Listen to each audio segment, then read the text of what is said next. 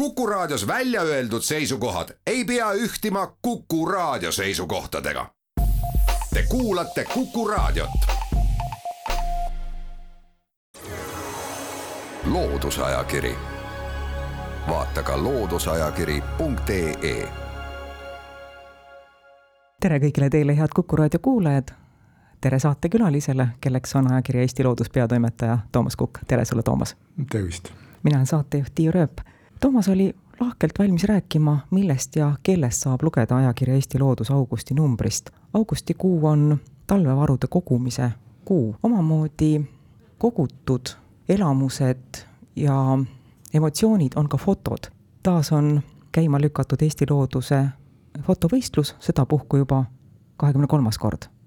tõesti, niimoodi ta on, me hakkasime pihta aastal kaks tuhat ja nüüd oleme siis jõudnud kahekümne kolmanda konkursini ja e, seekord me otsustasime nii, et kui me oleme varasemalt konkursi kevadel välja kuulutanud ja siis öelnud, et e, Pirita saab hakata laadima sügisest, siis nüüd on alates augusti algusest kuni kolmekümne, e, tähendab esimese oktoobri keskööni võimalik juba pilte laadida meie, meie veebilehel kus on siis fotovõistlusele täiesti omaette alajaotus.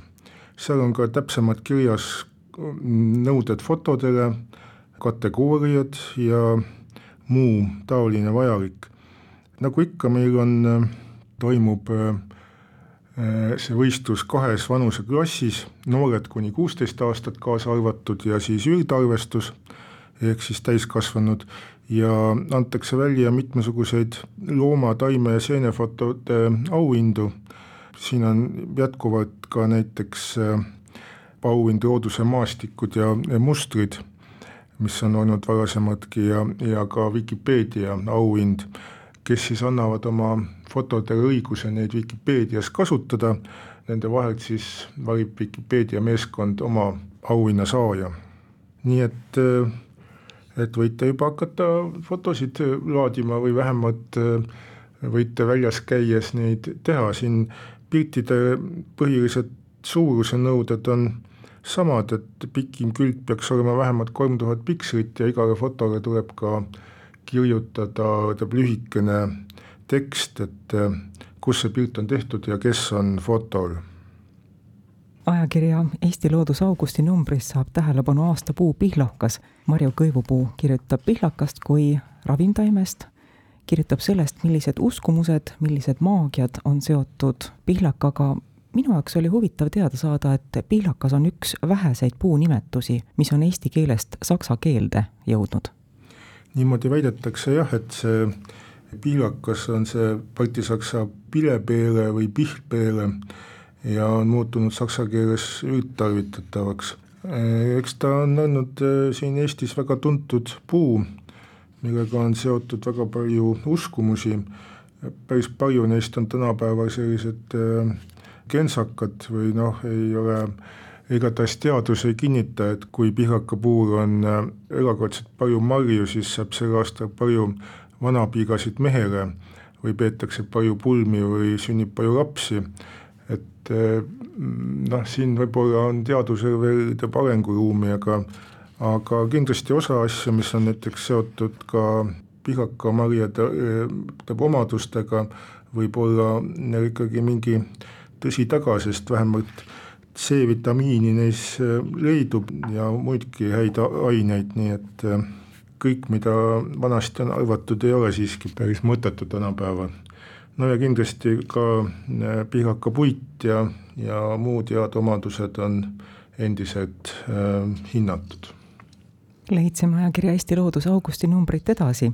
miks nimetatakse pihlakamarja õunteks? sellise artikli oled sa ajakirja kirjutanud ja sa juhid tähelepanu, et botaanikud nimetavad pihlaka viljatüüpi õunviljaks kui me sirvime ajakirja edasi, siis Mati Martin kirjutab viljades elavatest ussidest ning kõigepealt sõnastab ta keda teaduskeeles ussideks nimetatakse ning Piret Pappel kirjutab selles Eesti Looduse numbris poes müüdavatest pähklitest ja sellest loost saame teada, et sarapuupähkel on tõeline pähkel ka taimeteaduses. viitasin Mati Martini ja Pireti artiklitele seepärast, et kõnekeeles ja teaduskeeles kasutatakse sõnu ja sõnadel on erinevad tähendused. Milline oleks hea tasakaal, veidi imelik oleks, kui näiteks aiapidajad hakkavad tõesti rääkima hernemardika tõukudest, mis on aias rüüstetööd teinud või küsitakse teise aiaomaniku käest, et kui palju tal on pihlakaõunu tänavu? jah, kindlasti sellises tavakeeles ja ütleme igapäevakasutuses ei ole mingit põhjust eh, pihlakamarju seda marjasõna vältida ja öelda pihlakaõun viljad, et eh, me ei ütle, et on tehtud moosi õuntest ja pihlaka, pihlakaõuntest. et eh, ikkagi jäävad need pihlakamarjad ja sama nende usside ja, ja röövikutega, et tähendab, oluline on seda teada eeskätt äh, neil, kes on tegelenud loodusteadustega või noh, oleks imelik, kui äh, botaanik äh, ütleks, et, et pihlakal on marjad, kui, kui on, teeb juttu pihlakast kui taimest, et, et ikkagi sellistel puhkudel on vaja teha kindlasti vahet. Et me ei, me ei saa nagu eeldada, et kõik hakkavad vahet tavakeeles tegema ja see, selleks ei ole ka mingit vajadust tegelikult, et me saame nendest pihlakamarjadest täiesti ühtmoodi kõik eh, aru, mida on mõeldud. Et me ei ole põhjust terminoloogiaga väga üle pingutada. kas erialainimese kõrva ei riiva mõnikord tavakeele kasutus? no kindlasti on, on asju, mis, mis jäävad, jäävad nagu silma ja kõrva, et, et miks niimoodi või et, et kas nad siis ei tea, aga aga kindlasti tuleb siin ikkagi sellist leida mingisugune kesktee ja vaadata seda konteksti, et meil ei ole ikkagi, ikkagi põhjust tavakeeles nõuda, et et nüüd pihlaka marju nimetatakse pihlaka õunviljadeks me teeme praegu jutuajamisse väikese pausi. loodusajakiri, vaata ka looduseajakiri.ee loodusajakirja saade läheb edasi, me jätkame ajakirja Eesti Loodus uue numbri sisu tutvustamist. saates on külas Eesti Looduse peatoimetaja Toomas Kukk, saatejuht on Tiiu Rööp. korra mainisin juba ära, et et äh, Mati Martin annab ülevaate niinimetatud viljade ussidest, nendest, kes ähm, kahjustavad vilju, mida inimene hea meelega ise toiduks tarvitaks. lugedes Mati Martini põhjalikku ülevaadet, tekkis mõte, et on päris suur õnn noppida aiast vili, mida keegi teine ei ole juba toiduks tarvitanud. tõesti tundub niimoodi, et sellisel juhul peab, peab äh, kahtlustama, et on aednik äh, kasutanud äh, mitmesuguseid taimekaitsevahendeid, kindlasti on võimalik ka päris head tulemust saada ohutuma biotõrjega, soodustades neid äh, teisi loomi, kes nendest samadest putukatest toituvad, aga see kindlasti on, on tüütum ja, ja ei ole noh, kuidas nüüd õigem on öelda, nõuab ikkagi ka teadmisi rohkem kui poest ostetud preparaadi pritsimine ja noh, õppeks, ega kui see väikene, väike bussikene on seal hernekaunas ja ta osa herneid ära söönud, no mõned herned eh, saab ikka ära süüa, et ega siis ütleb eh, kõigile saab, saab natukene, et ega ei pea siis olema päris puhtad teab viljad, et eh, nendel teab elukatel on siiski oma koht ka looduses olemas, nii et ega, ega neid nii-öelda maailmast ära kaotada poleks kindlasti põhjust. Eesti Maaülikooli teadlased, taimeökoloogid Katrin Heinsoo ja Marika Kose kirjutavad sellest, kust leida ravimtaimi. Nad annavad ülevaate uuringu tulemustest, mille käigus selgitati välja, millistes poollooduslikes kooslustes kasvab kõige rohkem ravimtaimeliike selleks äh, poollooduslikuks koosluseks, kust on lootust leida kõige enam ravimtaimeliike, on puisniidud. sinu jaoks ilmselt ei olnud see tulemus üllatav? jah, kindlasti ja siin antud juhul on ka juttu sellest, kui palju tähendab erinevaid taimeliike mingis koosluses leida võib, siin ongi peamiselt juttu poollooduslikest kooslustest, nagu näiteks niidud Äh, loopealsed, noh ka nõmm on Eestis siiski üldiselt inimtekkeline. Äh, ja eks see liikide arv on muidugi seotud äh, ka sellega, kui palju üldse selles koosluses on erinevaid taimeliike. Ja siinkohal muidugi mainiks, et seda, seda tööd peaks selles mõttes edasi arendama, et üks asi on tähendab erinevad taimed, aga teine on ka nende taimede kogused, et ma arvan, et need puisniidu arvukad taimed on tegelikult seal esindatud kaunis väheste taimedena, et, et kui minna nüüd sinna taimi koguma, siis see saak ei pruugi nii hea olla, et üks asi on jah, see tähendab liikide arv, aga teine on tegelikult see, et, et kui palju sellel siis on sellist tegelikku praktilist väärtust, et sest me ikkagi kui taimi kogume, siis me ühe-kahe taimega ilmselt ei piirdu ja teine asi, et ega ei tohikski viimast kahte taime kaasa võtta, et, et pigem ikka võtta siis, kui neid taimi on nii, et saab vigatiga niita ajakirja Eesti Loodus augustinumbri intervjuu. Tarbeks ajasid sa juttu kirjaniku ja botaaniku Rein Sanderiga. Rein Sander on tuntud ka kui Kubja ürditalu peremees. Teie kirja pandud jutuajamist lugedes jäi mulle silma, et Rein Sanderil on selline iroonia sugemetega väga hea huumorimeel ja teine asi, millele mulle tundub, et ta juhib tähelepanu ka, on kooliaiad, kus vanasti lapsed taimi tundma õppisid, ei saa öelda, et praegu üldse koolidel aedu ei ole.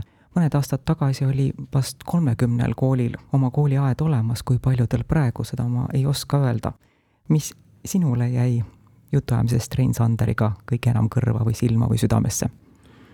tähendab, üks teema, mida ma ka küsisin, et kas see taimeteede kultus, erinevate tähendab ravimtaimede propageerimine, et kas see nagu üldist taimetundmist ka edendab ja tema arvas, et pigem mitte. ja mul endal on ka sihuke tunne jäänud et, et need, kes ta ütleb huvitavad, ütleb ravimtaimed, nende see vaade taimedele on ikkagi selline üsna kitsas, et kas sellest saab teed või ei saa, kui ei saa, siis ta ei ole huvitav. Ja see kooliaedade mõte, et taime tundmine algab koolist ja vanasti oli väga, väga palju kasu kooliaedadest, ma arvan, et see on kindlasti õige. Ja noh, see tänapäeva suurte koolide puhul on see kooliaiandus oleks ka tehniliselt üsna raskesti tehtav, aga meil on ju siiski ka Tallinnas või Tartus äh, päris palju tähendab kogukonnaaedu ja ega see kooliaed võiks olla ka mingit moodi nagu selline kogukonna aia, aia osa või, või nagu edasiarendus, et kindlasti, kui on selline õpetaja, kellele see pakuks huvi ja kellel oleks viitsimist, siis on ka võimalik äh, näiteks Tallinnas äh, ikkagi ka uuesti kooliaiandust äh, edendada. ja muidugi ega, ega see, sellist head vastust küsimusele, et mida teha, et, et kõik inimesed taimi tunneks, äh, seda kahjuks ma arvan, ei ole võimalik nii kergesti leida.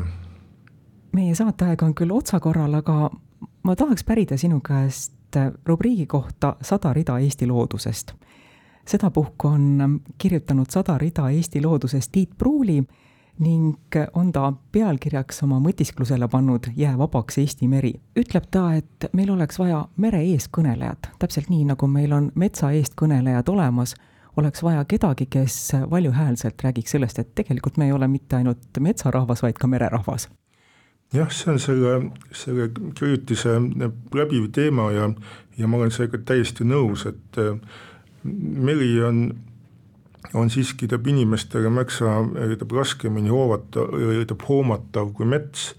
meres me käime võib-olla suplemas, kui on hooaeg ja ja, ja sellega see kokkupuude merega piirdub, noh, on kena ka vaadata seda merd rannikul seistes, aga aga see meretemaatika on saanud väiksemat tähelepanu nagu ta siin kirjutab, et mereteema on kadunud vaateväljast koos karuikolhooside, Eesti merelaevanduse ja Albert Puustuldiga.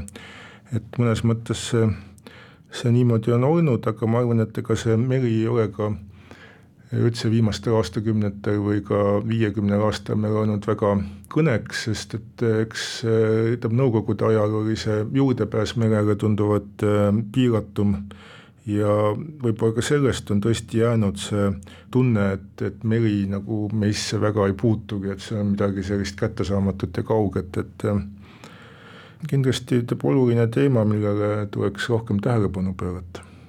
aitäh, ajakirja Eesti Loodus peatoimetaja Toomas Kukk saatesse tulemast. me ei jõudnud anda ammendavat ülevaadet Eesti Looduse augustinumbris kirjutatust näiteks saab teada, et seene ussitamine ei ole kindel märk sellest, et see seen on inimesele ohutu. saab lugeda sellestki, et Eestisse on jõudnud uus kahjurliblikas, varreleedik, tutvustatakse kunagi väga populaarset taime, harilikku sigurit, rajakaamera lood keskenduvad kährikupere tegemistele, lugeda saab ka suvistest äärmustemperatuuridest ning Illi väikeumbjärvest, veel paljust muustki. saatejuht Tiiu Rööp tänab kuulajaid jälle kuulmiseni. loodusajakiri, vaata ka looduseajakiri.ee